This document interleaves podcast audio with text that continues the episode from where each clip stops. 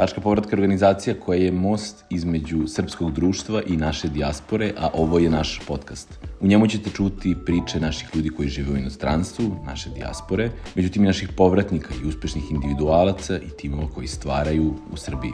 Naša današnja gošća je Nataša Škrbić, povratnica iz Londona. Ona je završila svoj master studij u ovom britanskom gradu i vratila se tokom korone. Najviše smo razgovarali o tome kako izgleda startup ekosistem u Srbiji, koje su tu neke razlike u odnosu na druge, druge neke sisteme, kako danas ljudi mogu da dođu do svoje ideje, kako mogu zapravo da je pokrenu, šta ona konkretno kao neko ko je uključen u ceo proces pružanja podrške startupima, kako ona vidi sadašnjost, kako vidi budućnost. Kod nje se tačno vidi da je vrlo motivisana i ambiciozna i vrlo pasionirana kada su u pitanju startupi i upravo ta kolaboracija sa ljudima koji kreću svoje privatne i privredne inicijative. Tako da to je bila nekako glavna tematika, a nadam se da ćete uživati da se ta energija koju ona ima prema ovom poslu prenela i na sam razgovor. Uživajte u razgovoru sa Natašom Škrpić. Nataša, dobrodošla. Hvala ti. Um, kako bi, evo, mi se sad znamo kroz posao, da ti radiš u Digital Serbia Initiative, Digitalna Srbija, tako? Uh, ali da se prvi put sada na, na nekoj kafi, kao što praktično jesmo, kako bi se predstavila? Šta, šta, ko si ti, šta radiš, čime se baviš? Uh -huh. uh, ja sam Nataša, jel, a, ovaj, do, dosta dugo sam a, aktivista, a, jako sam aktivna u društvu kod nas i generalno u Evropi od svoje 16. godine, dosta sam a, radila na raznim inicijativama i onda se neko svo to moje vanastavno iskustvo na kraju pretočilo i u posao koji mi je full time i nešto što radim stalno, a, a to je da pokušam da pomerim neke stvari a, sa tačke na koje su trenutno da budu bliži tačke koje je idealna za sve mm. nas. Ali kad kažeš aktivizam, mislim, to je toliko svestrana stvar. U mm -hmm. kom konkretno pravcu ti misliš na aktivizam? Pa za mene je ono za što se boriš i za što treba da radiš to da se trudiš da tebi, ali i svima oko tebe i svima koji su uključeni u te inicijative zbog toga što radiš nešto bude bolje. Mm -hmm. Šta god to značilo. Da li promovišeš trčanje pa zbog toga više ljudi trči i onda su oni zdraviji ili promovišeš uh, bolje obrazovanje, pa ta, samim tim utičeš na sistem obrazovanja, onda obrazovanje bolje. Šta god samo nekome sutra na bolje menja život. I za mene je to značilo uh, uvek da se bavim time da ljudi se osnaže dovoljno da rade ono što zaista žele da rade i da ispunjavaju svoje pune potencijale time što rade. Uh, tako sam se ja još od srednje škole uh, uključila u nevladin sektor, to jest da radim u tada srednje školaca Srbije, bila sam, ne znam, sa 15 godina budeš član upravnog odbora nečega, pa radiš neke inicijative, vodiš, okupljaš neke ljude i tako dalje, da nam je stvarno bio cilj da što više mladih iz Srbije koji su srednja škola, još uvek se pronalaze i tako dalje, dobiju pristup stvarima koje nemaju u školi. Ne samo edukacijama, ali i druženjima sa ljudima iz cele Srbije. Mislim, ti kad si u srednjoj školi u Leskovcu i ideš samo na ekskurziju i to je to. Nikad ti niko ne kaže ajde idi malo do Novog Sada, pa malo do Zrenjanina, pa malo do Čačka, pa vi svi zajedno da nešto radite, da napravimo zajedničku inicijativu koja će se desiti u svim školama u Srbiji u isto vreme i tako neke stvari, to smo radili i uh, rezultati toga su da danas ja imam 10 ljudi mesečno koji mi se jave što iz sveta, što iz Srbije da kažu ja znaš ono kad smo radili onaj projekat je tad sam ja naučio to i to ili shvatila to i to i sad se baš bavim time i kao super mi je i tako dalje. -hmm. Tako sam ja na taj način ušla u sve i onda sam uh, zbog toga počela da radim i ono po Evropi to i tako dalje, ali i sad da ne dužimo. Ali, a, mislim, pa nije da ne dužimo, hajde da dužimo, zato što kako, kako se u stvari, jer ono što je neko naše verovanje da mislim, po statistici koje gledamo, gledaju ovo ljudi koji su mlađi i stariji, mm -hmm. tako da, da kažem, kako sa 15 godina imaš ideju da uđeš u tako nešto i kako, šta je tebe inspirisalo mm -hmm. da, da kreneš da budeš pokretač sa jedne strane mm -hmm. i interesuje me takođe taj drugi korak, kako se jedna, jedna pokretačka snaga koja je dosta lokalizovana u smislu da ljudima oko tebe bude bolje, internacionalizuje, da se ti povezuješ sa ljudima mm -hmm. iz, iz cele Evrope. Tako da ajmo da počnemo od toga okay. šta te zainteresovalo i da. kako si ušla u to. A, ja iskreno ne znam šta je to sa mnom, što sam ja uvek htela da budem deo ne, nekog pokreta koji radi nešto, a, ali znam da me u srednjoj školi, kad sam upisala, sam išla u devetu gimnaziju, koja je imala jako aktivan srednjoškolski taj parlament, da sam ušla u parlament i to je bio jedan dečko Nikola, koji ako sluša, pozdravljam ga mnogo, stvarno uticao na moj život, a, koji je rekao, je, znaš, ima ova neka unija i a, radimo okupljanje srednjoškolaca, bi ti došla u dom omladine, to mi se bio neki 15. decembar, bi baš bilo hladno. I ja kao, naravno, niko nema problem da odem u nepo, ono, to ne znam, ljude, da odem da vidim o čemu se radi. Odem tamo, puna sala i kažu, evo da vam damo sad 150.000 dinara, razdvojite se u grupe, a svi su iz različitih škola, kao šta biste vi u svojoj školi uradili kao neku aktivaciju, projekat i šta god, 150.000 dinara. I mi se tu razdvojimo i radimo, smislimo sve, družimo se, bude super. I tačno se sećam, sam stajala kod konja i zove mamu. I rekao, mama, ja nisam luda. I ona kao, što nisi luda? I rekao, znaš koliko ima ljudi koji su kao ja tako opsednuti da nešto rade. I ona kao, pa dobro, super, možda uđeš u to više, da radiš nešto, ruku, pa sad ću da vidim, ajde, ja pošaljem mail i oni kao naravno dođe na aktivnosti, ja postanem deo tima, počnemo da radimo neke a, projekte, počnemo da okupljamo druge ljude, uđe mi upravni odbor koji je bio sjajan u tom trenutku, nas šest, ono, iz cele Srbije, iz svakog grada po jedan, mm -hmm. svi zajedno se okupljamo, ovaj, imali smo podršku iz Nemačke, ovaj, finansijsku, da on, imamo kancelariju i sve. Znaš, ti kad imaš 16 godina i sediš u Beogradu u svoju ostali ljudi oko tebe? srednju školu.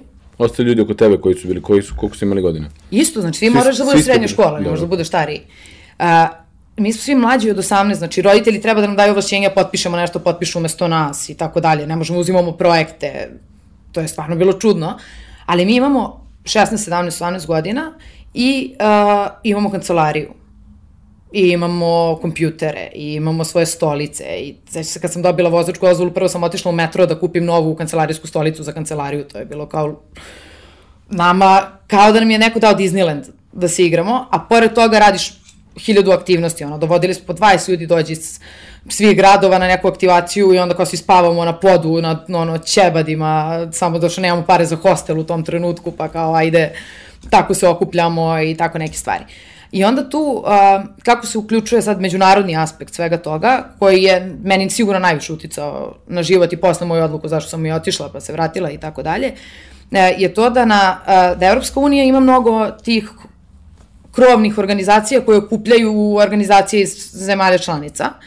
E, I tako je postojao jedan OBES-u koji je kancelarija za srednje škole za celu Ev Evropu, pa tako su imali i nas par što smo iz ne EU zemalja. E, I onda su oni pravili u svakoj državi Evrope po neki događaj koji je bio na temu toga kako ti da bolje vodiš svoju organizaciju u svojoj zemlji i kako da ti ovaj, radiš nešto lokalno što pravi veliki impakt i što prenosi opet neke vrednosti koje možda nisu karakteristične za to društvo, ali su važne.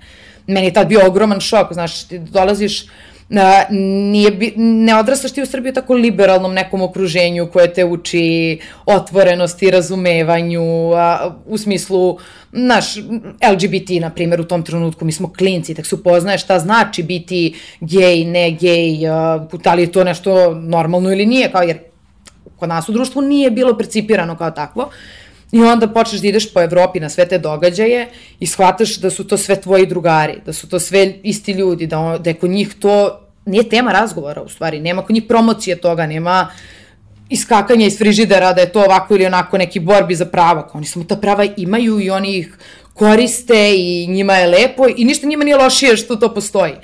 I onda se vraćaš, sad, ja sam u tom trenutku u trećoj, četvrtoj godini srednje škole četiri dana nedeljno bila preko, tri dana u školi. Mm -hmm. I on, nisam imala na kraju ni fond časova da završavam, pa smo tu nešto kombinovali ovako, onako. Ali smo na tim edukacijama stvarno sam dobila ono prozor u svet. I shvatila da nemoguće odavde da razumem svet. I da ja ne mogu da rastem osim ako svakog vikenda ne upoznajem nekog novog koji ima totalno drugačiji život, da drugačije jede, da drugačije spava, da drugačije ide u školu, da drugačije karijerne izbore ima, da drugačije komunicira i da i dalje živi normalno i da je srećan. Mm. Iako živi van okvira onoga što mi ovde znamo. E, i, I onda sam se navukla na to. Onda sam morala da idem stalno, stalno, stalno. I doneli smo tako stvarno mnogo lepih inicijativa i ovde i mnogo je nas iz a, tada Unije otišlo da radi, pa se vraćalo, počinjalo nešto svoje. Mislim, mi sad iz te ekipe cele imamo toliko ljudi koji su baš poznatim i startupima da su ih počeli, koji rade ogromnim korporacijama, koji su i negde po svetu, ovaj, kako se zove, i predavači na fakultetima i asistenti i svašta nešto, e, jer te to nauči proaktivnosti jako rano.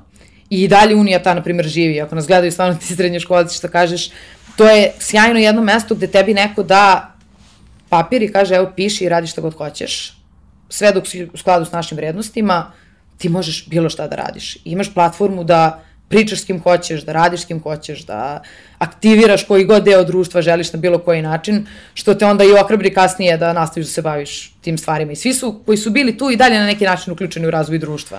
Na ovaj ili Da, ja sam na drugačijan način bio uključen u organizaciju koja ima sličnu, mislim, sličnu misiju i slične vrednosti. Sad ne znam da ti znaš za JCI možda. Mm -hmm. Recimo, ja sam bio član kao, kao mm -hmm. mlađi, to ne znam, sa 20 i nešto godina. Ja kad se vratio u Srbiju prvi put, sam tu nekako bio uključen. Tako da, apsolutno, i sada, kada se pogledamo naš, što sam ja iz Novog Sada, naš novosadski chapter, uh, ja mislim da nas je pet u Srbiji od 25, na primjer. Svi su negde sada, negde otišli preko. Možda malo, a možda sam pretvorio, možda je 10. Ali uglavnom je ovaj, dobar deo ljudi otišao, ali do, dobar deo ljudi planira da se vrati. Mm -hmm. Um, I sad, dolazimo do te neke tačke, to je, kaže, prozor u svet bio. Mm -hmm. uh, svi ti neki, mislim, i ti neki vikendi, ti, neki, ti neka putovanja, povezivanja sa ljudima koji su tvoji istomišljenici uh, svuda po Evropi, ali kada ti onda, kada ti pada na pamet i prvi put pomišljaš o tome, možda bih i ja da zagazim malo dugo, dugo trajnije u, u, u Evropu ili negde drugde, kako, kako dolazi do tog, kako izgleda taj proces razmišljanja, kada do, dolaziš do te odluke? Da, ja sam, a, kad sam trebala da upišem fakultet, a, razmišljala, ok, ajde da odem preko prestižni fakulteti, univerziteti, a ko zna, posle sam nezaustavljiva i tako dalje, ali mi je bilo jako važno da studiram političke nauke. I tad sam imala razgovor sa tatom. To je ta veza između aktivizma i, i kao neke konkretne Sasvim promene. Sasvim logično, jel? A, I nisam ja htjela političke nauke da bi bila ambasador ili da bi meni one dale posao. Ja sam bila jako rano svesna toga da meni će posao doći iz mojih veština i da ne dolazi iz fakulteta, jer ja jednostavno nisam bila neko ko može da uči veštinu na fakultetu, kao što su medicina, ne znam, da budeš pilot, inženjer, šta god. To su stvari koje stvarno moraš da odeš na fakultet da naučiš, jel? A ja sam znala da ja želim ove neke soft stvari da radim i da realno gledano fakultet i nije ključan u tome. Meni je, gledala sam fakultet kao nešto što će meni da proširi opet vidike i nešto u čemu ću ja da uživam. Da znam kad odem spremam ispit, ja sam srećna što ga spremam i baš mi je lepo što to čitam i tako sam zadovoljna i da mi ostavlja dovoljno vremena da radim i dalje sve te van nastavne aktivnosti. E, I onda kao, pa dobro što ne bi otišla i preko tamo da izučavam neki novi grad, da upoznam nove ljude i slično. I tada mi je tata rekao kao, dete, ako hoćeš političke nauke, kao najbolje je da studiraš u Srbiji, jer kao ti ćeš izgubiti kontakt sa srpskim društvom, sa našom kulturom, s tim šta je nama ovde važno. A ako želiš da se baviš na bilo koji način politikama, sad to je srpski nesrećan, jel, policy, da, da. politics i ostalo, ja mislim policy deo, a, ako želiš time da se baviš, ti ćeš zaboraviti kako je to, šta je potrebno ljudima ovde. Znači, ne možeš da odeš na predugo ako ti je to stvarno cilj. I on to mene ubedi da ja ostanem ovaj, na osnovnim studijama u Srbiji, ali mi kaže, stvarno i mama i tata onako sa ogromnom podrškom nekom, za master računaj sve što hoćeš. Ali ovo ti je naš savet. Međutim, mene u drugoj godini počinje već da svrbi. Znaš, nije mi ništa previše novo, ništa previše izazovno. Tu sam, u svojoj komfort zoni, još ono, kad si iz Beograda i studiraš u Beogradu i dalje si kod mami i tate i kao, sve ti isto kao srednja škola, malte ne, jel, da. dobiš vozačku dozvolu eventualno i to je to. Uh, I onda sam se malo pozabavila Erasmusom i tim stvarima i onda sam otišla u Nemačku prvi put na šest meseci. Mm -hmm. I mislim da je to bio jedan od ključnih trenutaka kad sam shvatila da sam ja sposobna za to, jer to nije lako. Bila sam u Konstancu, uh, univerzitetu Konstanc, dosta nas PPN je tamo išlo, mm. o, jer je dosta jak fakultet za taj public administration policy i slično. I ja, ja bih uvek rekla i neko ko želi, znaš, svi su potrče kao ja ću se ocelim sad odma, meni ovde ništa ne valja, ja ću da idem i da niko ne shvata šta znači da si ti, pa ne 5000 km daleko od kuće, kad si 200 km daleko od kuće, mislim, pogotovo mi iz Beograda, ne razumeš šta znači da nemaš ljude oko sebe, da ti ništa nije poznato, pogotovo kad je skroz novi jezik, ja nisam nemački učila, nisam znala reč na nemačkom kad sam otišla tamo. I, i sve misliš što je lagano, što ima veze, jeste super prve dve nedelje dok ti je kao na odmoru, treće nedelje ti nije najbolje, ono, mm. već počinješ da se prispituješ zašto to radiš i da li je sve to kako treba i slično. Um, ali sam otišla ta tamo i opet me šokirao taj pristup kulturama. Znaš, studiraš s ljudima s Novog Zelanda, iz Meksika, Kanade, uh, ne znam, Indija, Dubaji, Kenija i kao odjednom svi apsolutno različitu vrstu života žive. Ono, seća se, uzeli smo neki renta kar, idemo u Lichtenstein i sedimo na prednjem sedištu ja i Meksikanaca i za nas a, drugarica Novi Zeland i Kanada. Mm. I počnemo pričamo o tome kako, znaš, korupcija, ne znam, kako državama može, znaš, da ti sad platiš autoput, ali ne platiš autoput e, i tako neke stvari. I njih dve iza koje su šokirane ali prebledele i kao, mm. ne, ne, ne, ne, ne, kao, to je nemoguće, kao, kako to? I onda nas dvoje, ono, Meksiko, Srbija, kao, mm. pa ne, znaš, kao, sad imaš sistem i objasnimo ceo sistem. Kao, ali zašto? Mm. Znaš, i... Tako ja kad sam živio u Švajcarskoj, desila mi se situacija, neki prijatelji, bili su samo jedan norvežanin i švajcarac, i ja pričam, a, nešto nelegalno sagrađene kuće koje, i su meni, kako misliš, nelegalno sagrađene kuće? Rekao, znaš, ono, brate, kupiš zemlju, to platiš, onda da sagradiš kuću i onda posle legalizuješ.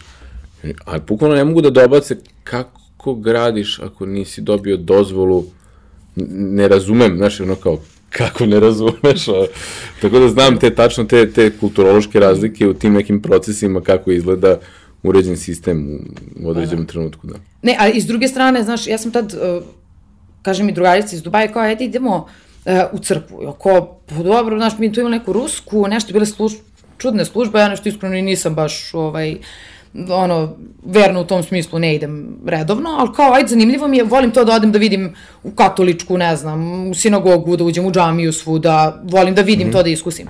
Rekao, ajde, idem s tobom da iskusim, nemam pojma šta je to njeno, nešto kao protestantski. Nalazimo se, a to je meni treća nedelja u Nemačkoj. Prvi put otišla tako na duže sama, znaš, i dalje kao kontaš sve, gledam u mape da dođem do nečeg, iako ono selo ima tri ulice, a kao mhm. gledaš mape, i dolazim ispred hale, kao nema crk, hala, i onda stoji znak na zidu, koji je kao onaj Heineken, mm -hmm. kad ti stoji iz bara, i kao piše church. Ma kao, dobro, da li smijem ovde da uđem? Šaljem poruku drugarici, rekao, evo ti moja lokacija, ja stvarno ne znam gde ulazim, iskreno, ne znam šta se dešava.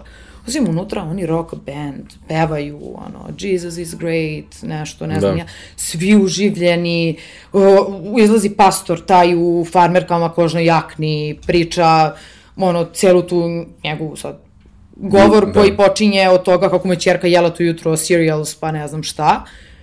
Ja sam bila u čudu, ja sam bila preplašena za sebe. A to na kom jeziku je to sve zdešava? A, na nemačkom je, ali imaš titl sve vreme, imaš billboard, to ide, pritom imaš da staviš slušalicu koja ti prevodi celu službu isto na engleski. Kao, brate, koja je komercijalizacija religije. Da, ali, a kao, da ne ulazimo u to, ali meni to bilo totalno predobro novo iskustvo. Mm -hmm. Posle, ja sam išla šest puta, ne kao zbog crkve, Boga i ostalo, nego sam videla nešto da nikad kod nas nisam videla neki community koji se napravi oko toga gde mm. jedna se porodi i ono svi dolaze čuvaju dete odjednom, svi oni se dele da sedam dana čuvaju dete to jednoj. Ono, iskreno kulturni šok. Da, jedno drugo vrsta okupljanja u zajednici koje ti ovde nisi videla. Da. Znaš, onda kao okupljenja, uh, mi smo tamo živjeli, to je sjajno mesto, znači, živiš na jezeru, a iza tebe su Alpi. Znači, mm. pešaka odeš kroz šumu do jezera da se kupaš, a jedna stanica vozom, ti si na Alpima i skijanje, ono, skijanje šetnja, šta god. Ja, kao došli iz Beograda, da ono kolima s jedne druge strane, eventualno odem do teretane i to je to. I tamo njih šestoro koji su triatlonci, kao ne, ne, idemo svaki vikend hiking, pa onda kako se trčanje, pa onda idemo na plivanje, ovako onako, seća se moji kad su došli po mene da mi uzmu stvari, pošto sam ja pravo u London nešto išla odatle, oni došli po moje stvari i ja ujutru ustajem u šest, kao idem, trčim po šumi, skačem sve, sa sve šorcem i majicom, ono, u ledeno jezero ispod Alpa, ono, minus voda, plivam, izlazim kao odradim vežbe, trčim nazad još 10 km, oni kao šta se s tobom desilo, znaš, a to samo možda skontaš kad, nebitno, meni to bio sport, nekom je to muzika, nekom je to mm. umetnost, ali samo kad, ti, kad si izolovan od svega na što si navikao i tu je meni kod inostranstva glavna stvar, shvatiš neke stvari koje samo u izolaciji možda shvatiš kad ti niko drugi ne daje nikakav utisak, e, to je pametno, nije pametno, to mi tako ne radimo ovde, mm. ili što si luda, trčiš po Knez Mihajlovo i slično. O, i tako da to je bila jedna ogromna lekcija za mene isto, što su svi ti ljudi imali totalno druge stilove života, a iste ciljeve u životu, karijerno, što se tiče studija, što se tiče porodica i tako dalje, ali žive skoro drugačije od mm. nas ovde. I kažeš, nekom drugu se pomenula, odlazim za London. Mm -hmm. Je li to bio moment kad si se selila ili kad si išla privremeno ili?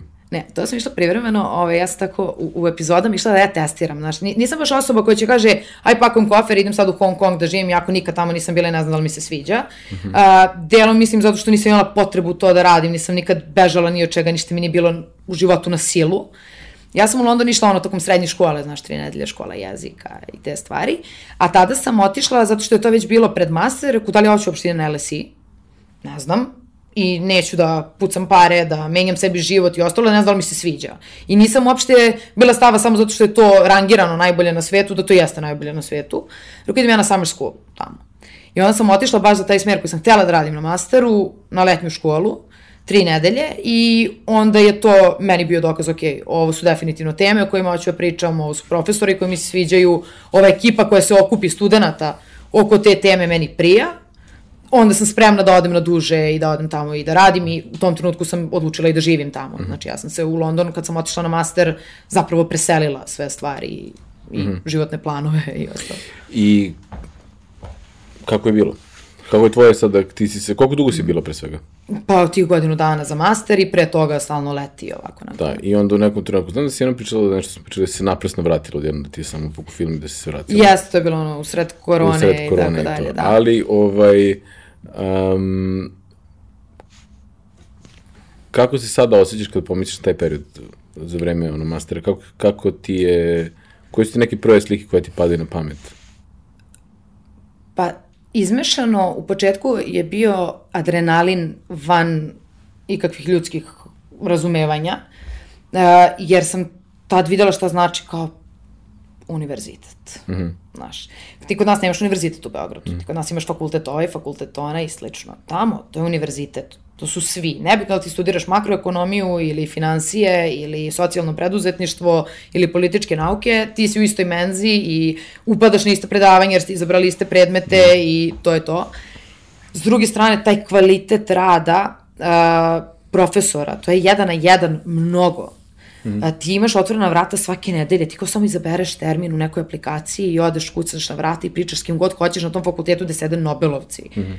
I kao nemaš ti poseban prijem kod Nobelovca i kod asistenta, nego svi su tu i svi se zna kad imaju otvorena vrata i ti odeš i ne možeš da imaš temu, nego odeš kažeš zdravo, ja sam Nataša, dolazim iz Srbije, mene zanimaju te i te teme, mislim da je vaš predmet baš zanimljiv. No i htjela sam popričati možda o nekim temama. I kao koje teme, ja lupim tri teme, šta je bilo zanimljivo. I onda kao dobro imamo weekly sessions gde mi kako psihoterapeuta znamo pričaš u školi i o tome šta hoćeš da radiš u životu i tako dalje. I onda kao preporučuju se knjige, ne znam, upoznaju te s ljudima, upoznaju te sa drugim studentima koji se bave sličnom temom i tako dalje, što je mnogo više interaktivno, jel, nego kod nas. Tako mi je to bio prvo adrenalin nenormalno dobar. Uh, I onda naravno tamo, ono što mi se nije svidalo i stvarno to ne volim je što prvi dan kad dođeš oni ti stavaju neku sobu i kao 33.000 prijavljenih vas 75 primljeno. Vi ste posebni, vi ste jedini, vi ste najbolji, vi ćete promeniti svet. Zaista.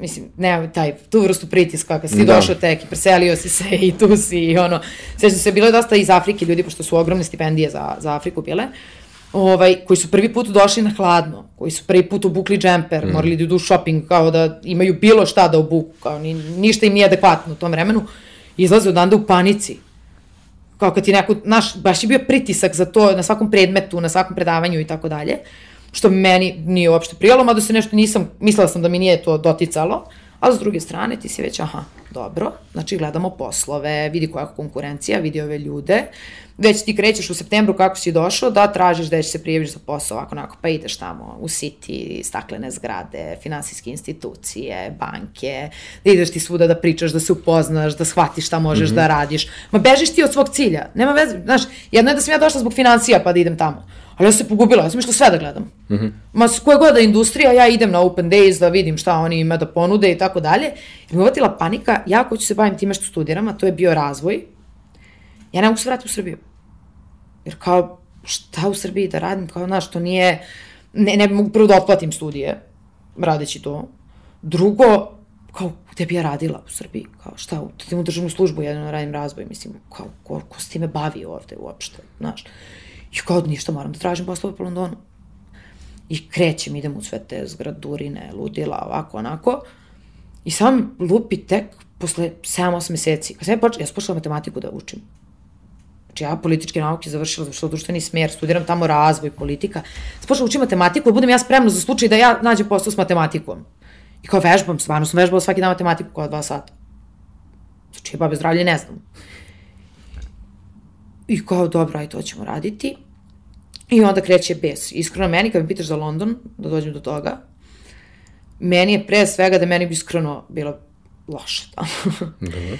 A, iz razloga što jednostavno ja sam mnogo vezana za ljudi, mnogo sam vezana za ovo ovde. I oni napišu to kao zbog emisije i tako dalje. Nego stvarno, morala sam u jednom trenutku da stanem i se zapitam, ono, raduju se psihoterapeutima i sa roditeljima i s prijateljima, s dečkom, sa svima mnogo razgovora koji su počinju sa njima, još šta te briga, pa ti si tu u Londonu, ma uživaj, vidi, ideš na najbolji faks, kako ti je dobro.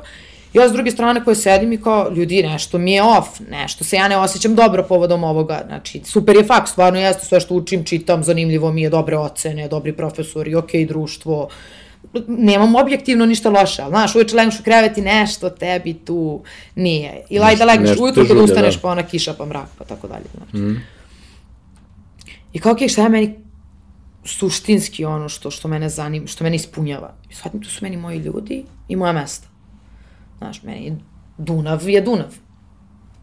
Pa ne, mogu ja po temzi, ona je šetala mučena napred-nazad kilometrima, danima, satima, mesecima, gledam kao u reku, kao pa ajde, to je isto reka, kakve veze ima nebo. Ma, ne.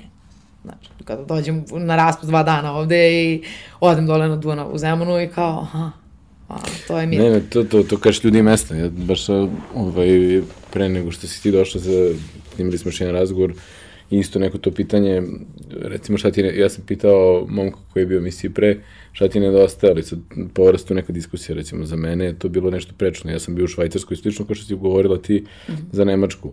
Ja gledam onako razglednica, pogled na, na jezero, oko toga uvek snegom ono, uh, pokrivenija ovaj, Alpi švajcarski, ti gledaš tu razglednicu, a ja noćima sanjam ravnicu. Ja sam iz Novog Sada, pa ono, stalno sam išao to Kikinda, Banat, generalno, to, meni, meni je ravnica, ja ne znam zašto to uopšte, potpuno nerealno. Tako da, da desi se ti momenti da su ta neka mesta, čak nekada neki mirisi i neki ljudi, razumiješ, neki ti zvukovi, to ono što ti vrati, recimo se jedan moment koji bi recimo traumatično iskustvo. Meni je recimo četiri godine Švajcarska bila pakla, jer sam mrzeo svaki dan te škole. Sam rekao, još bio mlađi, ono. 14 do 18. I rekao sam sebi ono, tipa, nećeš biti ono kao, nećeš odustati na prvoj velikoj prepreci u životu kada ti je teško, baš, baš. Ovaj, izgurat ćeš ovo do kraja, ali vidi, sad se jedan moment, mi ono, tipa, sedimo čas u hemiji, kreće sirena, ono, protiv, protiv uh, vazdušne napade, generalno testiranje, ono, niko nama nije najavio, i su ono kao ono, Vazdušni ja, napad ili požar? Na, ne, protiv, pro, ne, ne, ono, na gradskom nivou, ne na školskom, nego na, na to, Aha. municipality je to objavila kao, oni su odlučili da testiraju svoju protiv, uh, ono, kako se kaže, protiv vazdušna sirena. Da. Uh, to je bila, ta, to, jednom godišnje testiraju. Ja, ono, ustajem, kreću da nas bombardu, ja imam, razumeš, u tom trenutku 14 godina. Nego da bilo neko dosta stresno, ali recimo ti neki momenti koje su mi ostali tada, ne, su to ta mesta, mirisi i ljudi, ono, nekako to je meni bilo zvukovi, mm. to, da se se, to mi je nevjerovatno bilo, me vraćalo uvek u, u te neke prostore. Ali izvini, prekinuo sam te, ovaj, pa ne, tem za, tem za Dunav, da. Znaš, to, ti imaš suštinski, znaš, i Britan dolaziš, iz nekog okruženja gde stalno neko priča kako nešto ne može da priušti, da ne može mm. da ode, da ne može da bude to što jeste, da od ono. I onda se osjećaš kao razmoženo derište što si ti u Londonu, ja ono centralno fakultet i sjajni profesor i sve, i ti si nešto nezadovoljno. Mm. Znači, ja sam imala tamo praksu svetskih razmera, znači radila sam u inter, uh, Interameričkoj razvojnoj banci. Mm pisala politike za pola Latinske Amerike, ono, kao ludilo, radila više što sam učila tamo, stvarno, kao prilike kakve nigde ne bi mogao da dobiješ mm -hmm. tako brzo i lako, da kažemo, i tako dalje, a ja nezadovoljna. I onda pritisak taj kao, okej, okay, moraš da uživaš, jer kao drugi ne uživaju.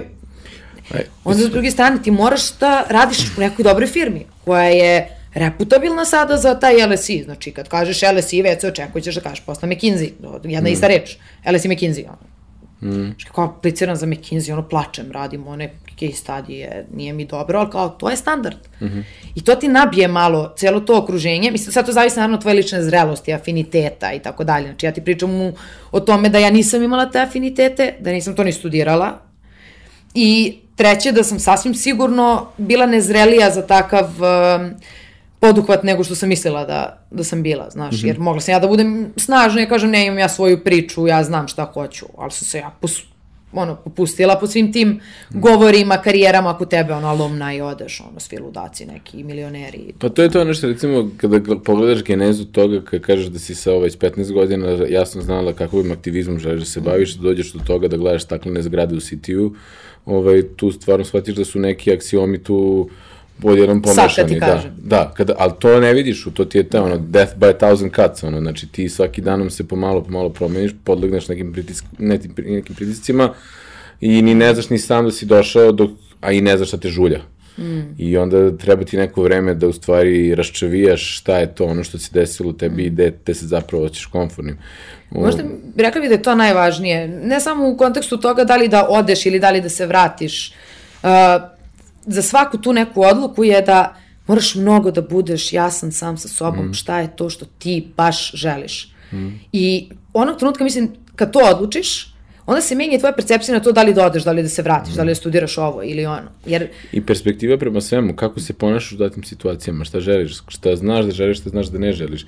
Ja mislim da je recimo jedna od naj um, podcenjenijih stvari, mnogi ljudi su vrlo sposobni, kvalitetni, pametni, uh, sve to uzmemo i sve najbolje kvalitete nabraje na jedno mesto, ali ono što nekako uvijek deluje da ispod radara jeste svesnost. Svesnost oko svega toga šta jesi i šta nisi, šta hoćeš i šta nećeš, jer nekako u ovom dobu hipera, ono, informisanosti oko svega, malo ti je, recimo, ja, ja imam sad, recimo, razmišljam dosta aktivno o tome, znači, nama nikad više nije dosadno Mi smo uvijek nečim preokupirani i uvijek imaš nešto da radiš. I ja se trudim uh, i ne uspevam trenutno. U nekom trenut, nekim trenucima sam uspevao da mi jednom nedeljno sat vremena bude dosadno. Da sedim i da ne radim ništa. Da pustim, da, bukvalno da ono, da, da pustim svoj mozak da preispituje sebe u određenim trenucima. I, i hiljad, i bukvalno, to, to je bukvalno fizička potreba da ustanem i da uzmem telefon, da, ne znam, uzmem knjigu, uzmem novine, da teško mi je da sat vremena nedeljno sedim i da dozvolim sebi da probam da se bukvalno downloadujem ono u potpunosti. A, meni se, na primjer, desilo to, kad sam prvi put otišla u Nemačku, znaš, ja sam odrasla u familiji ogromno, sve stara, braće, stričevi, strine, tetke, babe, tete, ma svega na mnogo, znači sve što mm. pomisliš klasična porodica, postaviš na kvadrat, nas je baš mnogo. Mm. Što ti ne dozvoljava mnogo da ti budeš sam sa sobom. Mm. Ovaj, niti ti naučiš da imaš potrebu za to, jer si navikao jednostavno da imaš uvek nekoga tu. I onda se to prenosi posle i na društvo, na kolege ili šta god. I prvi put kad sam otišla to za Nemačku, kao soba, ja sama, ujutru ustajem, sama pijem kafu. Samo za jednu osobu spremim nešto da jedem. Mm -hmm. Uveče dođeš posle faksa, svi su društvo, svi treba da uče nešto. Ti treba ni sa kim da ne progovoriš, nego kao samo da sedneš i da nastaviš da radiš, tako dalje. I mene tad počnu da ti trenuci, ne da ja nisam mogla da sedim sat vremena, nego nisam mogla da radim ništa drugo, sem da sedim i da gledam u prazno po sata, dva u početku, jer je mene ta samoća šokirala. Ali čekaj, kako ti, šta ti je dala? Znači, da ti je te nekako pozitivno ili negativno? Prvo je to... Verovatno oba. Da, prvo je to negativno bilo, da, da mene je bolela, sam plakala. Da.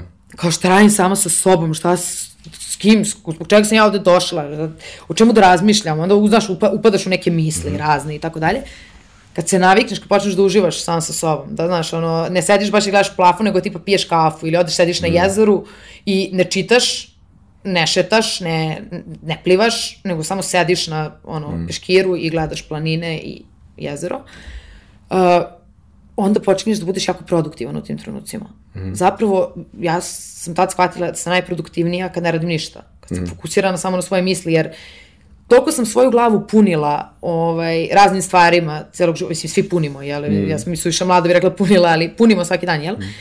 Glavu svim živim punili i nikad to ne poslužim. Punili nam, puni ono neko drugi, mislim, da. Da, ne, ono, dolaze ti ti nadražaj, mm. jel? I ti nikad ne sedneš da poslužiš to u svojoj glavi, da isfiltriraš sve u toku dana što ti je ušlo i izašlo, šta ti je potrebno, šta nosiš sa sobom, šta ne. Mislim, ja sam dosta sa psihoterapeutom radila vežbu gde zatvoriš oči I zamisliš sad ti sobu kakvu god ti želiš, u kojoj se nalazi baš sve što ti u glavi. I sad ja kakva sam, zamišljam fascikle i sveske, papire i tako dalje, realnog piskara. I sad to je meni neki mala, ono, sobo kontejner koja je mm. puna papira, svezaka, registratora, to sve na sve strane, možeš da hodaš, znaš, ono kao u detektivskim onim filmovima, sve paučina se pohvatala i to. I ja jadno sedim sama za nekim stočićem i lampa Meni svetli je detoniranom na bombom mene i unutra. kao to je to. I onda ti ona kaže, aj zažmuri. Kaže, i sad jedan po jednu fasciklu otvoriš i kažeš sebi šta mi je negde iza, ali tako je iza postavljeno da ti ako se okreneš malo, možda ga vidiš da ga se prisetiš da se desilo. Znaš, da ti je bilo tu. Šta ti je ovde sad i šta ti je negde tamo u budućnosti, što ćeš da staviš neku dalju policu, pa ćeš da ga izvadiš, ali znaš da je tamo i jasno je markirano da je tamo, ali to ćeš kasnije da se pozabaviš. To mi je bilo otkrovenje. To je baš tad u Nemačkoj kad sam bila ono, online, sam, pričala sa njom i to mi je dala kao vežbu. Ja to i dan danas radim, ono, par puta u, nedeljno. Sedam sam, u sred posla, znaš, kao krene mi haos, osjećam se prepterećenu anksioznost. Sedneš i kao, okej, Prioritizacija. šta je meni, i znaš, to mi je u Londonu pomagalo dosta isto. Kao, znaš, zašto je meni ovo sad u ovom trenutku dobro i zašto će mi biti dobro za budućnost, i ako je meni sad loše. Mm -hmm. I tako neke stvari poslužiš i onda ti bude lakše. A to sve dolazi iz te dosade, što mi zovem. Mm. Mm, da, da, da.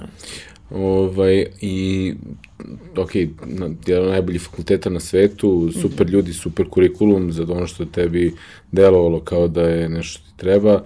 E, šta se dešava u finalnim fazama tog tvog života, mm. tih godinu dana, ok, dolazi do korone, sve se tu dešava, ali št- gde si ti mentalno, gde si ti emotivno, mm -hmm. koje su tvoje razmišljanja o životu tamo, o povratku, šta se dešava u tvojoj glavi, ono, vrati nas u taj tvoj život tada, u tom trenutku. Pazi, prva 3-4 meseca ti jeste tebi malo možda neprijatno, ali kao sve ti je cool, sve ti je novo. Ja kako je dobro što ljudi samo uzmu kafu za poneti i odu, ne sede da piju na miru. Ja što je dobro što oni sede na travi u parku, ne znam, što kupuješ samo tako hranu, ono upakovano gotovo po mikrotalasno. Tebi se to fancy u tom trenutku, mm. jel? I ja tad kao, ok, definitivno se selim u London, ovaj, zovem dečka kao, ćemo u London, on kao, pa dobro, ako hoćeš, ajde, on dolazi tu isto neki razgovor i ne znam, da vidi on, da ćemo, šta ćemo, kao dolazimo, to je to. Ali onda shvatiš da je lepše kuvano, pa da ti lepše sediš u kafiću lepo na miru, pa piješ kafu, pa produženi s mlekom, pa ti na miru, pa popušiš cigaru, a ne svi te gledaju ovako što pušiš cigaru na polju dok pada kiša i tako neke stvari. I opet stvarno govorim ovo kao nešto meni lično što je bilo Da, da, važno. apsolutno. znaš. E, i onda, ja sam studirala, znači, međunarodni razvoj. Šta to znači? Imaš neku zemlju ili industriju koja nije razvijena ili je u razvoju i kako ti da ubrzaš njen razvoj. Mm. I sad to je baš dosta širok spektar mogućnosti. Još sam radila baš management razvoja, znači konkretne neke action points, šta možeš da uradiš da bi se nešto desilo. Nije bilo samo teorije i tako dalje. I mi počinjemo to da učimo i ja prvo budem jako uzbuđena, ja što je dobro prvi semestar, pa znaš, učiš o tome koliki je potencijal u ono, siromašnom sloju ljudi koji je ono, u Africi, Aziji, Latinskoj Americi, pa kako je raspodela zemlje uticala na naše države sada i tako neke stvari. I sve to kroz konceptualnom nivou cool. I kao dru... ja u drugom semestru se nadam, sad ću da dođem i da radim kao konkretne stvari, mm -hmm. što meni može, kad ja odem u Srbiju, da pomogne da nešto radim. Na prvom predavanju drugog semestra posveđam se sa cijelim nastavnim osobljem, jer na mapi zemalja koje ćemo raditi nigde nema Balkan. A Balkan jeste emerging markets i tako Da, dalje. većina. ako ništa ono second world country, mislim, uh, countries. To, Tako je. Ja rekao, gde mi Balkan? Kao, pa nije što bismo imali Balkan, kao, to je pa malo je područje i kao nije nam zanimljivo. Rekao, e, vi shvatate sad, znači vi se bavite, ok, Afrika, Azija, Latinska Amerika, ne da moramo se bavimo time, nego super što se bavimo, ali oni su sad, na primjer, na nivou nekom, pričamo, kad pričamo o Latinskoj, Latinskoj Americi, Latinskoj Americi i svim tim državama, znaš, ne misliš ti tu samo na Brazil. Mm. To je takva zemlja da tamo ima i dalje ljudi koji jel, žive u plemenima i tako dalje, znači njih treba sad obrazovati ovako onako, ili je to škola, ne bi da ulazim u to. Ali kao, znaš, imaš mnogo nerazvijenija područja od bilo kog sela u Srbiji, na primjer. Mm. Znaš, nemaju kuće, nemaju ovo, nemaju ono. I sad ti treba o tim temama da pričaš. To je super zanimljivo i to je sad na nivou razvoja dvojka od deset. Ne tako? I mi hoćemo njih da dižemo na trojku, četvorku, peticu, šesticu. Da. da bi svi mi došli na 10 koji smatramo, na primjer, skandinavske zemlje, Holandiju i tako dalje. Ali vi, oni, da bi došli do 10, moraju dođu na 7, gde je sad Srbija. Mm. I gde se koči nešto malo i nešto ne znaš kako na osam, jer ti skok sa 2 na 5 napraviš bez problema, ono, tri Da. politike, šest uh, kredita, u, dodaš tri predmeta u školu, otvoriš šest fabrika i već ti po tim njihovim stadijumima GDP-a ovog onog možda digneš taj razvoj s 3 do 5. Ali ruku morate baviti ovim sa 7, jer sad sa 7 niko nije došao na 7 i trenutno samo Balkan, Centralna Azija, malo, kako se zove, znaš, ove zemlje sve bivše sovjetske, mm -hmm. da kažemo i to. Mi smo svi na tom nekom stadijumu razvoja gde sad niko ne zna šta da se radi. Znači, mi sve super, ali nije nešto dobro. Mm -hmm. Znaš, a objektivno kao ti gledaš sad kao sa strane, ja vidi zdravstvo, imate besplatno, ne znam, imate javni transport, pa vidi koliko škola, svi idu u public schools, da. vidi kakav vam univerzitet, koliko vi imate budžeta. Znaš, ti tako kad čitaš, oni kad popunjavaju one izveštaje, zvuči kao La La Land. Mm -hmm. A onda kao, a što se, ne znam, kako izgleda izborni proces, kako ovo, kako ono, a dobro, to nema veze, bre, ljudi, imate šta da jedete, kao, ajde. Ne, ima to je moment stepen sigurnosti, recimo mi sad kad razgovaramo sa povratnicima, znaš, ono, mislim da ljudi, mislim da generalno kada pričamo, i mislim da je i za ovaj razgovor naš bitno to pomenuti, jeste malo, s jedne strane, e, pogotovo tako internacionalno se uvek treba založiti i za svoje društvo i, za, i nekako tu ti se javi neka posebna doza patriotizma koja, koja, ni, ne znaš da, je- koja ni ne znaš da je u tebi postojala i kulja. Ono, ovaj. um, s druge strane, um, mi imamo malo u ovom društvu previše srbocentričan pogled na svet.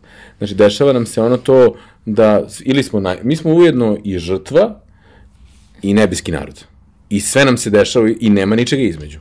I onda taj moment um, preterivanja u svemu tome i to kao kod nas i samo kod nas i ne, brate, svuda isto. Da, neke variacije na temu, da, problemi su možda ovakvi ili onakvi malo specifičniji, ali u principu sve to dođe da isto. Apsolutno. Znači, ja sam radi, uzela da radim mast, uh, kao tezu i kao hoću, naravno, o Srbiji da pišem. Mm. Znači, nisam baš tamo pišem o Tanzaniji. Znači, mm. ne, ne zanima me uopšte.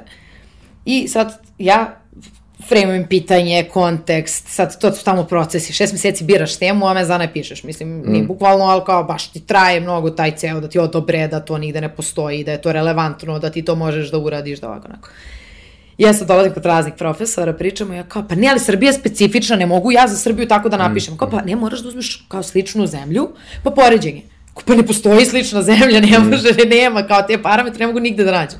Kao, dobro, nebitno uzmi, ako Srbija ima, na primjer, gledamo sa, ne znam, tih 2 miliona stanovništva koje ja mogu da ispitujem, gledaj neku koja ima 10 miliona, nema veze, a pa smanji za 5, mm. znaš, sve redu. Jer ako ne, ali specifično, znate kakva je naša kultura, pa mi smo pre bili, znaš, ono, socijalizam, komunizam, ratovi, kao, i samo se ratovi dešavali u Srbiji, šta? Jo, pa, možda nisu 92. pete, ali su mm. se dešavali i 81. i 63. Mislim, mm. kao, bukvalno bilo koju zemlju na svetu možda uzmeš da porediš. Mm. Ja, kao, Šta si poredila? znaš, ne, na kraju sam našla temu gde ne moram mnogo da poredim, ali, ovaj, uh, pošto sam menjala to hiljadu puta.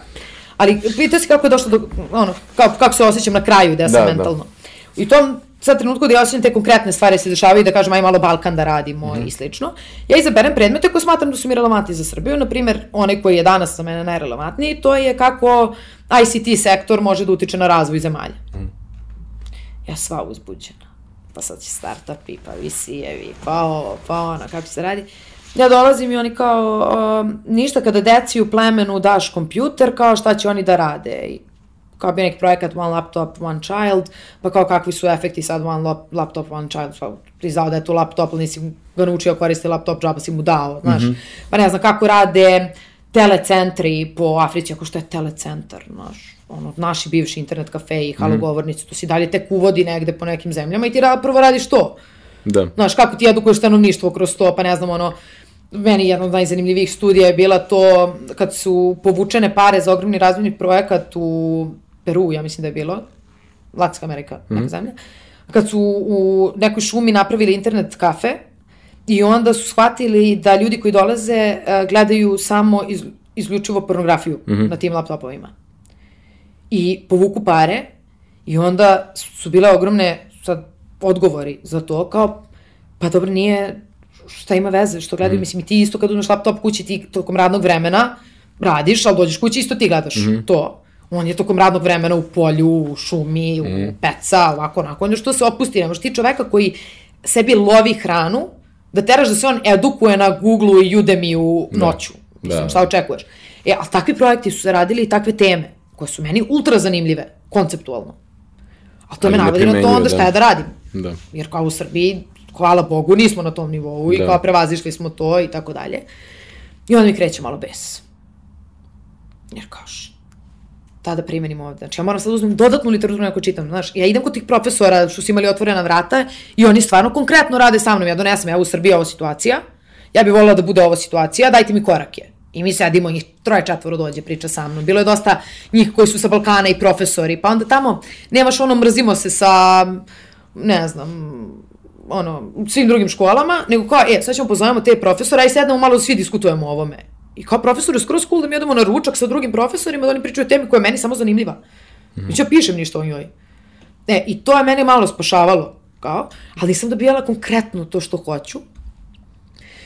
I kad sam završila i počela da radim master rad, ja sam ispitivala neku efikasnost transfera tehnologija u Beogradu i Novom Sadu, univerzitetima. Mm -hmm. To je kao koliko firmi nastaje iz radova naših naučnika, profesora, studenta. Mm -hmm. Znaš, kad dođu do nekog otkrića, da li oni to komercijalizuju? I? To mi je bila tema. Ne.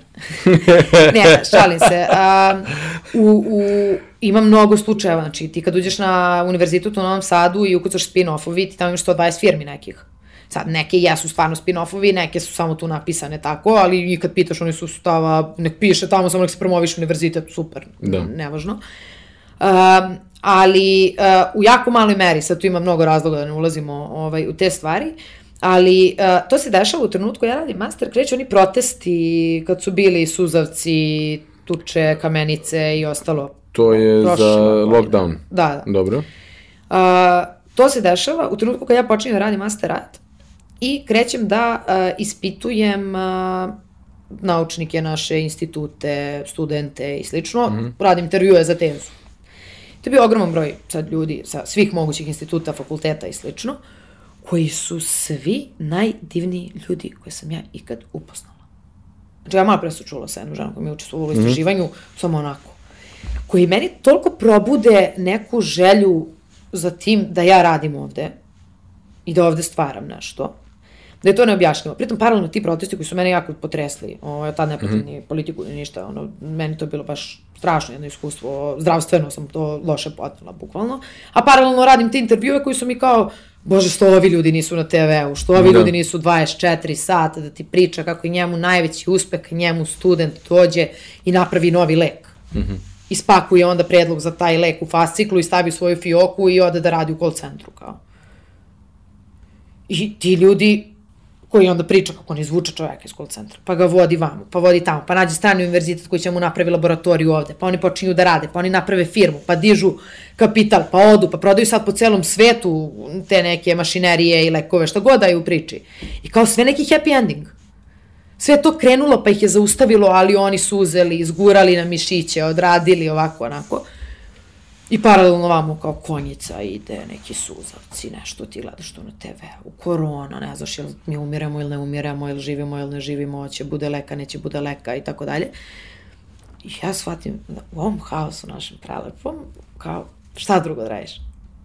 Samo imaš te ljude koji toliko hoće nešto, koji kažu, je pa ne, pa ja bi kao radio transfer tehnologije napravio ja firmu kad bi meni neko doveo nekog konsultanta, nešto mi pomogne, kao ja sam čovjek naučnik, znam da pišem mm. radove, znam da budem u laboratoriji, kao nisam kriv što ne znam, mislim stvarno, stvarno nisi kriv što ne znaš, ko ti kad naučio, ko ti rekao, rekli su ti bit ćeš bolji profesor ako imaš više radova, ti si pisao radove, ti su si su na toj nekoj lestvici, kao i to je to. Mm -hmm. Ali svi oni željni toga da neko radi sa njima. I da neko nešto aktivira u zajednici. Jako dobro. Imam sad opciju da odem da radim u nekoj međunarodnoj razvojnoj agenciji, gde će da mi kažu važi Južna Afrika, e, tri meseca misija, učiš 60 dece da pišu. Što su realno projekti. Znači, Da. da. daju ti mnogo para, idi tamo, ne znam, rešavaj maleriju, rešavaj ovo, rešavaj ono. I nikad niko neće postati u Srbiju da radim. Jer kao to nisu u Britaniji uopšte interesne sfere, a ja dalje od Britanije nešto nisam htela da idem. Ovo nije palo na pamet u Amerika ili nešto, jednostavno nemam želju. I kao mogu da odem tamo i da tri meseca pomažem nekim, ono, narodima, mm -hmm. nekim grupama naroda, šta god. I ne osetim u sebi uopšte taj žar da to radim. Mm -hmm. A onda pomislim, ja ceo život, znači ono, svoje 15 godina i ranije kroz razne neke ono stvari, stalno s nekim ono ovde kod kuće može da se radi, da nešto pomogneš, da Neki volontiraš, da. da. uradiš, da ovo da ono, i da ljudi budu ekstremno zahvalni, da ti možda vidiš njih kako se razvijaju, da možda vidiš ekosistem koji se oko njih stvara, koji će to da podrži ili će da spreči, pa ćeš da uletiš da im kažeš, "E, nemoj na ovu prepreku da reaguješ, aj ti, idi dalje ili tako nešto. I da su ljudi s kojima ja stvarno imam neku emotivnu vezu. I da ću ja uveče kad završim posao, pa makar on ne bio plaćen, da budem zadovoljna istinski. I to me lupio, tačno znam, padala kiša, ja u dvorištu doma, zovem mamu, pričam joj, mama ne razume sad šta, kao, pa dobro, dete, znaš, podržavamo mi tebe u svemu, ali ne možeš baš da dođeš u Srbiju da volontiraš sad. Znaš, kao, nemaš baš da dođeš da sad ti, ne znam, ono, radiš za neku praksu, koliko su Da. prakse ovde plaćene, znaš, ispod minimalca i to kao, znaš, ipak je, to LSI, London, bre, obrazovala si se, moraš da budeš u standardu s tim, kao, nemoj da radiš ništa protivno svojim vrednostima, a možda ti je bolje, znaš, da nešto probaš jače mm -hmm. i to. Što je bio meni šok, jer moji roditelji su uvek bili stava, ono, Srbija, stvarno, treba se vratiš kući da budeš svima mm. nama ovde, ima posla, može da se radi, naći ćeš nešto, znaš. Ni- Nikad im nije bio cilj da kao, je, spakujem decu samo da idu odavde, znaš kako neki imaju to. Moji stvarno nisu tako bili, oni su bili stava, je to tvoja želja, idi, uradi to, ali mi te čekamo kući s gibanicom i dalje. I to je to. I dalje ti je to najlepša stvar, jel, Da. kad se vratiš. I onda kao, dobro, ajde, ja odem, rekao, uzet ću pauzu šest mjeseci, neću ne da radim. Neću tražim posao, neću ništa. Jer moram da se shvatim. Htjela sam da odem malo putujem po svetu, znaš, kao da bi videla malo te kulture koje ja hoću da da radim s njima, jer ima ono hiljadu kampova, možeš ti spreviš za te prakse, platiti, znaš, odeš svuda, mogu da iskusim pa da vidim da li me zadovoljava to ili ne. Međutim, došla korona, ja to nisam mogla da radim. I dođem nazad ovde, kad sam završila. Imam par meseci i sad ja, pored uh, svog posla i tako dalje, takođe radim u Udruženju mladih privrednika Srbije. Ja, tu su mlađi od 35, preduzetnici ili menadžeri u svojim poslovima ili generalno ljudi koji se zanimaju za preduzetništvo ovaj, i mi se tu umrežavamo, edukujemo, povezujemo na razne načine i tako dalje. I on, as simple as that, stvarno, mm. nemam šta da komplikujem organizacije. Staviš ultra ambiciozne ili proaktivne, pozitivne, vredne, mlade ljude na jedno mesto, staviš ih ovako u sobu kao što je ova i kažeš ajde. To je to, da. I vredno se kreira samo od sebe, vidiš da pluta u vazduhu, mm -hmm. ono šta se dešava. I sad kako sam ja u to bila uključena i pre nego što sam otišla u London i onda malo dok sam bila u Londonu on, online, ne previše, rekao sad ću ja posvetim vreme time da se bavim. Kad već volontiram, mogu da volontiram jel, u Tanzaniji, I ovaj, znači, da odem na plaže, da. a mogu i ovde isto da volontiram tako i da vidim šta će se desi. I krene se dešava vatromet kao vidiš ljude koji su toliko srećni što su deo nečega. Vidiš ljude u timu, ljude van tima, partnere, donatore, sve, svi s kojima radiš su stava, jao, kako vi dobro nešto radite. Mislim, to je tim od pet ljudi koji radi na tome. Mm -hmm. I kao, kako je dobro, koliko vrednosti ima, pa ja, koliki je impakt, ovako, onako. I lupite u glavu, odeš u neku zemlju koja ima milione stanovnika, neke lude, odeš u Indiju sa milijarde ljudi da radiš i kao ti sto ljudi daš, ne znam, osnovno obrazovanje. I ti si uticao tu na frakciju, frakcije, frakcije, frakcije stanovništva. Mm. Ovde, uzmemo ih 70 ljudi koji su u udruženju i kao mogu svaki dan da vidim koliko napreduju i za naše stanovništvo, gledamo broj mladih ili mladih preduzetnika, na primjer, ja na veliku frakciju tih ljudi mogu da utičem svojim aktivnostima. Kroz njih. Znaš, meni 2000 ljudi kad vidi post na LinkedInu, to je bre lep procenat u Srbiji, mm, znaš, nije videlo 2000 ljudi od milijardu. Da. I onda sam tako odlučila da ostanem. I kako dolazi sada ovaj, do... Kako počinješ da radiš na čemu sada radiš? E da, to je sad skroz ovaj, druga priča. A, Stvarno, nije povezano. e, pa i nije, zato što na sve ovo moj aktivizam i tako dalje, ja sam probala da budem preduzetnik. Ja sam pre četiri godine, znači kad sam imala 19-20, počela a, zajedno sa drugarima s fakulteta startup. Mm -hmm. I mi napravili startup, dobili neki grant, pa onda neku investiciju, napravili aplikaciju, lansirali, dobili vidljivost, kakvu niko nije stvarno, ono, ovaj, sa Danilom. Mm -hmm. PR odrađen, vrhunski, razumeš, sve to odrađeno vrh. Downloadovi ekstra, partneri, svi srećni, mi to vodimo, radimo ja tu malo i smanjim sa studijama, kao mora se radi, znaš, mi ćemo sad tu nešto da stvaramo, ovako, onako. I opet da kažem, taj biznis je bio orijentisan opet na nešto socijalno. Opet smo i pravili aplikaciju za kulturne događaje gde je bila nama poenta da dignemo kulturu grada na neki nivo da bude dostupnija svima i da svi više to koriste, da pomognemo svim ovim državnim pozorištima, muzejima i Mm, tako dalje, da se logično. vide i slično. Znači, opet to imao socijalni aspekt, ali kao treba da bude i startup, kao biznis, treba da pravi neki primenu. promet, jel? Ma ne, mi smo zaboravili to, to nismo zaboravili, ali mi smo bili stava, e, ma doće pare. Kao ne znam kako kad nemaš nigde da ukucaš karticu, ali doće pare. Kao, radimo mi nešto lepo, jel? I onda kad je trebalo to da se monetizuje i tako dalje, ja sam shvatila da ja to ne mogu da radim. Kao ja ću da dam vrednost nekome i sad mu naplatim. Plaći on već kartu ovom što pravi kao Da, predstavu, predstavu. šta meni je da da pare. Ja sam, nisam biznis čovek, ja nemam to u svojoj glavi, ja to ne umem da radim u tom trenutku i, i dalje, ali mislim da ću u nekom trenutku valjda da postanem, ono, mislim, kao, imalo bi smisla. E, ne, nisam imala tu želju, ali šta sam imala želju da radim? Mi odemo u inkubator i ima 10 timova. Mene više zanima ovih devet. I šta njima treba i da li bi ja znala neko s nekim da ih povežem, da ja testiram njihov proizvod, da im dam neki komentar, pa odem kod organizatora, inkubatora, pa kao, e, slušaj, ali bilo bi bolje kad bi večera s nama napravio neki event, pa da se mi tu povežemo, ili ajde mu dovedi ovog mentora ili onog mentora, ili, znaš, ja više vremena provedem u organizaciji samog inkubatora nego da organizujem sebi startup. Mm.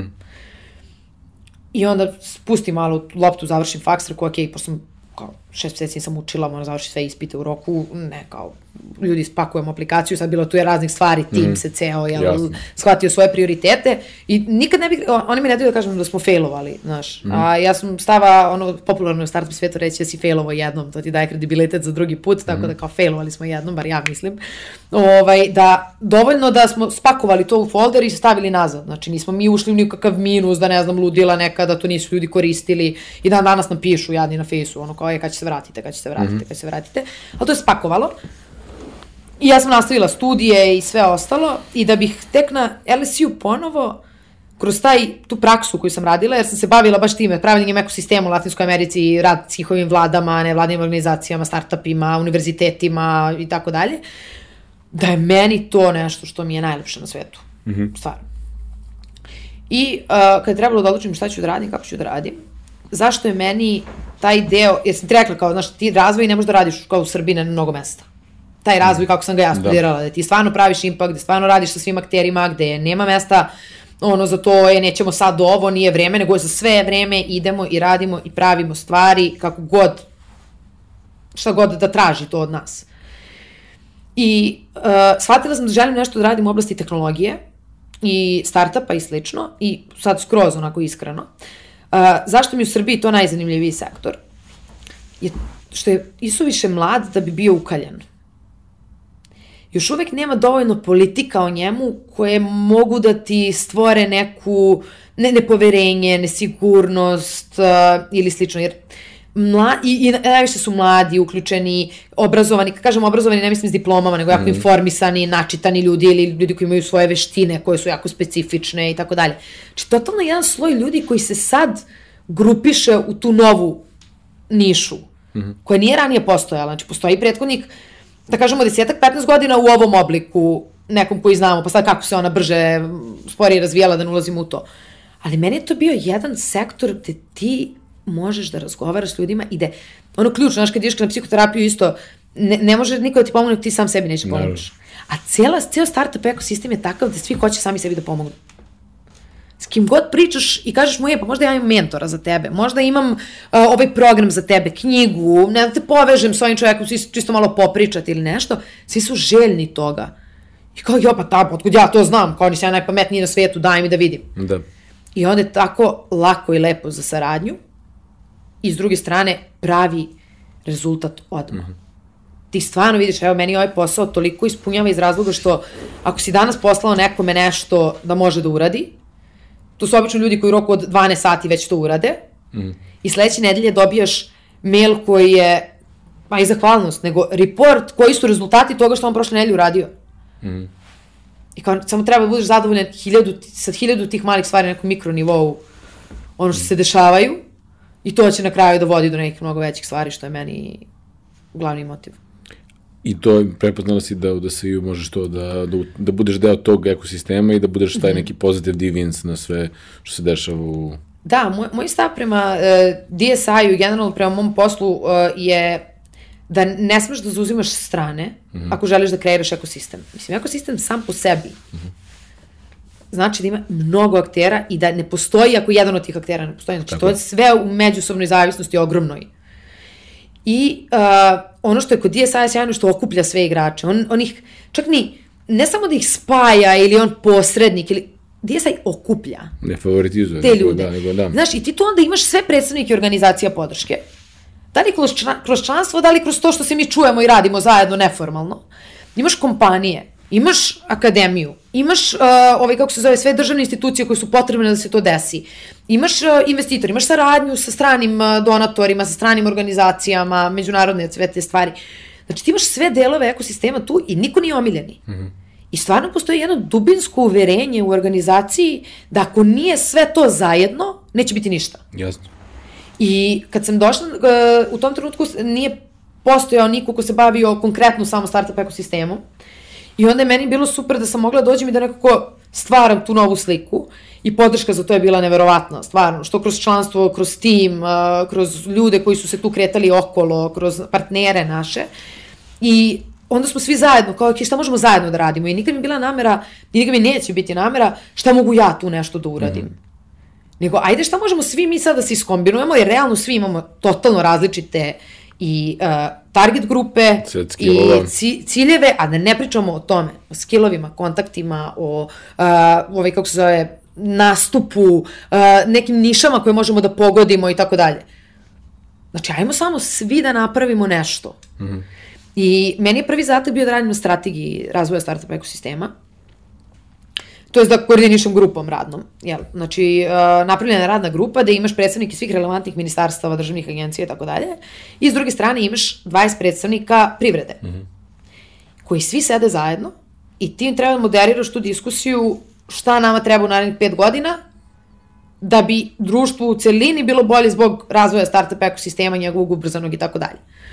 To je isto bio jako veliki šok. Znaš, ti dođeš sa tamo jele sjede ti pričaju kompromis, preklapanja, u najboljem cilju. Ne, ne treba ti da gledaš prvog sledećeg posle sebe, pre tebe kao ko je napredniji, nego ti gledaš odma najnaprednijeg i onda reverse engineering kako ti do toga da dođeš. Nema što te zanima ovaj pored, kao tebe mm. zanima onaj prvi, samo napredno, samo ako, samo onako, ti si kao, wow, znači ja uzela sela tamo, sela s kolegama, sela u radnu grupu svima kao neki wish list ludi. I onda, ne. Aj sad preklopimo šta zajednici treba u ovom trenutku. Jer džaba što imaš ti 700.000 VC-eva u Americi, kad tebi ovde ne treba, mogu ja da napišem da nam treba kad nam ne treba. Znači šta treba ovoj zajednici? Aj to da ispitamo prvo. Šta nama zaista treba? Šta možemo da uradimo? Šta svaki akter naš, ja sam mnogo ostavljam na ličnu odgovornosti na čoveka samog po sebi i stvarno ne verujem mnogo u ikakve velike kolektive u smislu toga da je sa kolektiv odgovoran za nešto. Ti si lično odgovoran za sebe, za to kako je tebi, kako je društvo i onda svi mi zajedno jedan po jedan doprinosimo tome da bude bolje i kolektivu će biti bolji i svi ćemo mi bude lep kolektiv. Mm -hmm. Ali to nešto da kako se zove, računam sad, ako sam ja rekla ta i ta organizacija treba da napravi to i to, jer to zajednici treba, da računam da će to da se napravi, neće. Mm -hmm. Onda se jednom sa troje ljudi tamo u organizaciji koji to treba da implementiraju mm -hmm. i da pitam, je ljudi, jeste vi otvoreni za to i to? Jel biste mogli vi to da uradite? Ako mi kažu ne, što da ja pokušavam? Ok, ili nađem drugog, ili kažem, ok, šta možete? Jer moramo budemo svesni sa čime mi ovde radimo. Tako je. Znači, džaba nama, pa možemo da napišemo sada i strategije, i zakone, i škole, i sve živo za nešto što ne odgovara našem trenutnom potrebama i kapacitetu. Mm -hmm. Ajde da vidimo šta mi možemo da uradimo i da uradimo neke realne stvari. I da radimo pomalo. Jer ne može da se razvija sistem. Znaš, pritom, da, sve je super sa ekosistemom. Ti ga ne menjaš, ti ga razvijaš. Ti ne uzimaš nešto urađeno i da ga menjaš. Što je užasno teško. Mm. Ti stvaraš nove navike, novu kulturu, no, novu zajednicu, nove priče. Znaš, to je ekstremno zanimljivo da se radi i, i motivišuće i sve to super, ali ako ga stvaramo, ne možemo ga stvorimo na veliko. Ne možemo da kažemo, je sad, mi hoćemo za pet godina da budemo tu i tih pet godina stvaramo. Možemo da kažemo, to nam je san. Da. Ali ajmo malim koracima i onda kao kombinuješ sve te mogućnosti i tako dalje. I onda je tako strategija prezadovoljna, pre, prezanimljiva zbog toga.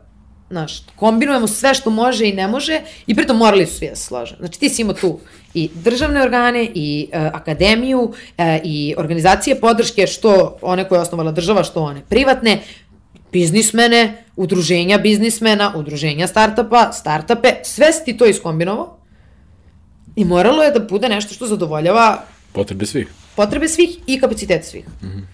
Tako da je to bio super projekat i onda kad to počneš da radiš, upoznaš mnogo zajednicu i onda ti postavi dobru osnovu za sve dalje što treba da radiš. Tako da, eto. Um, Tako ti žuriš na koncert, a, ako se ne varam, ti žuriš na koncert. Neki, Tako je, i vidiš, u Londonu ne možeš baš uvek, mada u Londonu sam bila na Čoli, što da. je Da. bilo mnogo bolje nego u Beogradu, jer kao 200 ljudi, neko staro pozorište mm. i Čola samo za tebe peva.